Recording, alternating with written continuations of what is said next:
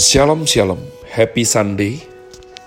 Selamat hari Minggu 6 Februari 2022 Saya Pendeta Caleb Hofer Bintor dalam anugerahnya Penuh sukacita sampaikan pesan Tuhan melalui Grace Word yakni suatu program renungan harian yang disusun dengan disiplin kami doakan dengan setia supaya makin dalam kita beroleh pengertian mengenai iman, pengharapan, dan kasih yang terkandung dalam Kristus Yesus Sungguh merupakan kerinduan saya bagi saudara sekalian, agar supaya kasih kuasa firman Tuhan setiap hari tidak pernah berhenti menjamah hati, menggarap pola pikir dan terutama hidup kita boleh sungguh diubahkan menuju Christ likeness.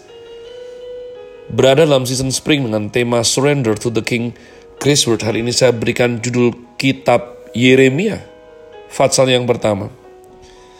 Kita sudah memasuki ya yakni pembacaan kitab baru setelah menyelesaikan Yesaya, maka hari ini kita akan membaca Yeremia. Demikian pembacaan firman Tuhan Yeremia Fatsal yang pertama. Inilah perkataan-perkataan Yeremia bin Hilkiah dari keturunan imam yang ada di Anatot di tanah Benjamin. Dalam zaman Yosia bin Amon, Raja Yehuda, dalam tahun yang ke-13 dari pemerintahannya, datanglah firman Tuhan kepada Yeremia. Firman itu datang juga dalam zaman Yoyakim bin Yosia, Raja Yehuda, sampai akhir tahun yang ke-11, zaman Zedekia bin Yosia, Raja Yehuda, hingga penduduk Yerusalem diangkut ke dalam pembuangan dalam bulan yang kelima. Ayat yang keempat, Yeremia dipanggil dan diutus. Firman Tuhan datang kepadaku, bunyinya, Sebelum aku membentuk engkau dalam rahim ibumu, aku telah mengenal engkau. Dan sebelum engkau keluar dari kandungan, aku telah menguduskan engkau. Aku telah menetapkan engkau menjadi nabi bagi bangsa-bangsa. Maka aku menjawab, ah Tuhan Allah, sesungguhnya aku tidak pandai berbicara, sebab aku ini masih muda tetapi Tuhan berfirman kepadaku, "Janganlah katakan aku ini masih muda, tetapi kepada siapa pun engkau kuutus, haruslah engkau pergi. Dan apa pun yang kuperintahkan kepadamu, haruslah kau sampaikan.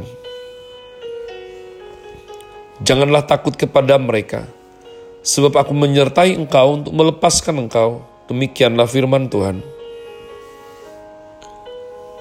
Lalu Tuhan mengulurkan tangannya dan menjamah mulutku. Tuhan berfirman kepadaku, sesungguhnya aku menaruh perkataan-perkataanku ke dalam mulutmu. Ketahuilah pada hari ini aku mengangkat engkau atas bangsa-bangsa dan atas kerajaan-kerajaan untuk mencabut dan merobohkan, untuk membinasakan dan meruntuhkan, untuk membangun dan menanam. Sesudah itu firman Tuhan datang kepadaku bunyinya, Apakah yang kau lihat hai Yeremia? Jawabku, Aku melihat sebatang pohon. Aku melihat sebatang dahan pohon badam. Lalu firman Tuhan kepadaku, baik penglihatanmu, sebab aku siap sedia untuk melaksanakan firmanku.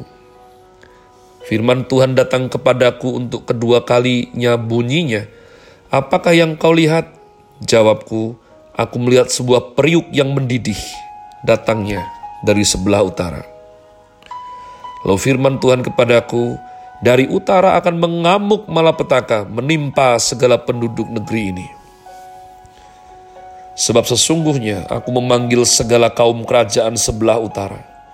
Demikianlah firman Tuhan. Dan mereka akan datang dan mendirikan tahtanya masing-masing di mulut pintu-pintu gerbang Yerusalem. Dekat segala tembok di sekelilingnya, dan dekat segala kota Yehuda. Maka aku akan menjatuhkan hukumanku atas mereka, karena segala kejahatan mereka, sebab mereka telah meninggalkan aku dengan membakar korban kepada Allah lain, dan sujud menyembah kepada buatan tangannya sendiri. Tetapi engkau ini, baiklah engkau bersiap. Bangkitlah dan sampaikanlah kepada mereka. segala yang kuperintahkan kepadamu. Janganlah gentar terhadap mereka, supaya jangan aku menggentarkan engkau di depan mereka. Mengenai aku, sesungguhnya pada hari ini, aku membuat engkau menjadi kota yang berkubu, menjadi tiang besi, dan menjadi tembok tembaga melawan seluruh negeri ini. Menentang raja-raja Yehuda dan pemuka-pemukanya, menentang para imamnya dan rakyat negeri ini. Mereka akan memerangi engkau, tetapi tidak akan mengalahkan engkau, sebab aku menyertai engkau untuk melepaskan engkau. Demikianlah firman Tuhan.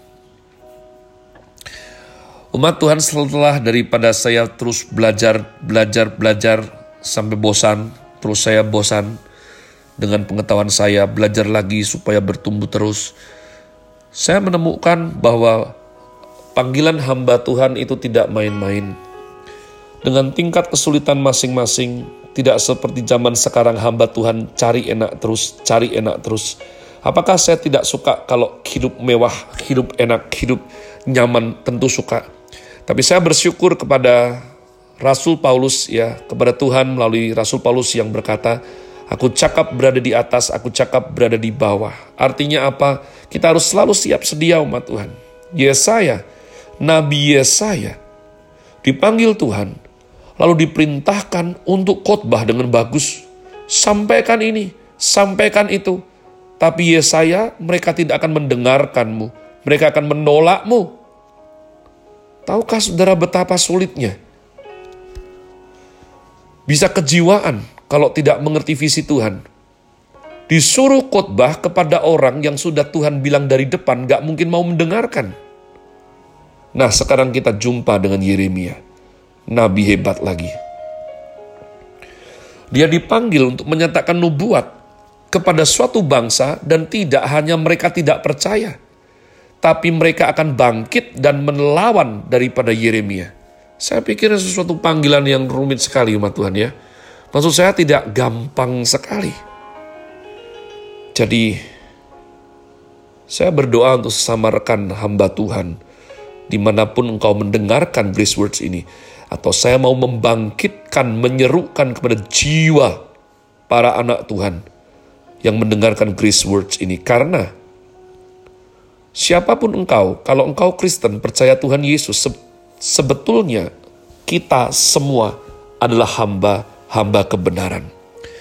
Kita semua dipanggil untuk melayaninya umat Tuhan. Kita diberikan teladan kalau sang raja saja datang bukan untuk dilayani tapi untuk melayani. Terlebih juga engkau dan saya. Jadi kita semua adalah sesungguhnya hamba Tuhan. Sesulit apa pun, jangan mundur. Sesulit apa pun, mari belajar taat dan berjuang sungguh-sungguh. Tugas Yeremia bernubuat selama bertahun-tahun. Capek enggak ya? Terus ngomong, tidak digubris. Dan sudah diperingatkan, tegar tengkuk. Yehuda terus undur dari Tuhan. Undur dari Tuhan. Makanya kitab Yeremia penuh dengan kesuraman dan firasat buruk. Pada tahun 612 sebelum Masehi, Asyur dikalahkan oleh suatu koalisi kerajaan Babel. Sekitar empat tahun setelah kematian Raja Yosia, Mesir dikalahkan oleh Babel pada pertempuran di Karkemis. Ya, 605 sebelum Masehi. Sudah kita dapat baca nanti Yeremia pasal yang ke-46. Maka pada tahun yang sama, pasukan Babel di bawah pimpinan Nebukadnezar menyerang Palestina, merebut Yerusalem, dan membawa sebagian pemuda-pemuda bangsawan Israel pilihan dari Yerusalem ke Babel. Maka di antara mereka terdapat Daniel dan ketiga sahabatnya. Jadi selama ini nubuat Israel yang memperingatkan tentang hukuman Allah yang mendatang tidak diperhatikan umat Tuhan maka Yeremia juga disebut nabi peratap. Karena saya percaya ini akan gemas sekali umat Tuhan ya. Yeremia seolah-olah membawa amanat yang keras. Yeremia penuh dengan kemarahan yang kudus. namun Yeremia berhati lembut dan hancur. Yeremia 8, Fatsal 21. Penderitaannya begitu dalam umat Tuhan. Tragedi, tapi harus taat. Bahwa Yeremia diperintahkan Tuhan berkhotbah kepada orang yang tuli. Tidak hanya tidak mau mendengar, bahkan membalasnya dengan tatapan penuh kebencian. Selama menjadi hamba Tuhan, saya melihat people come, people go. Oleh seorang hamba Tuhan senior, hal yang saya lihat tersebut disempurnakan. People come, people go, but God stay. Ketika kita lihat people come, kita senang. Kita rindu mereka stay, tapi beberapa di antara mereka go, pergi. Jadi, jangan memiliki gereja milik Tuhan. Kita ini hamba-hambanya. Kita ini oikonomos, dipanggil untuk mengelola supaya semua running berjalan dengan baik. Jadi umat Tuhan, saya percaya satu-satunya hal yang menjaga sehingga Nabi Yeremia tidak kejiwaan, ya, pahit sekali, adalah dia tahu bahwa Tuhan yang suruh dia. Adalah lepas daripada orang percaya tidak percaya. Dia sendiri melihat dengan matanya semua yang dibisikkan Tuhan, yang diperintahkan Tuhan untuk dia sampaikan meskipun Israel Yehuda tidak menggubrisnya bahkan membencinya. Tapi hati sanubari daripada Yeremia memahami betul-betul bahwa Tuhan tidak berdusta. Bahwa Tuhan sungguh-sungguh mengerjakan firman-Nya. Saya rasa ini adalah sesuatu yang sangat cukup untuk jiwa kita yang betul-betul mengasihi, mencintai Tuhan Allah dalam nama Yesus Kristus Tuhan. Happy Sunday. Tuhan Yesus memberkati saudara sekalian. Sola. Grazie.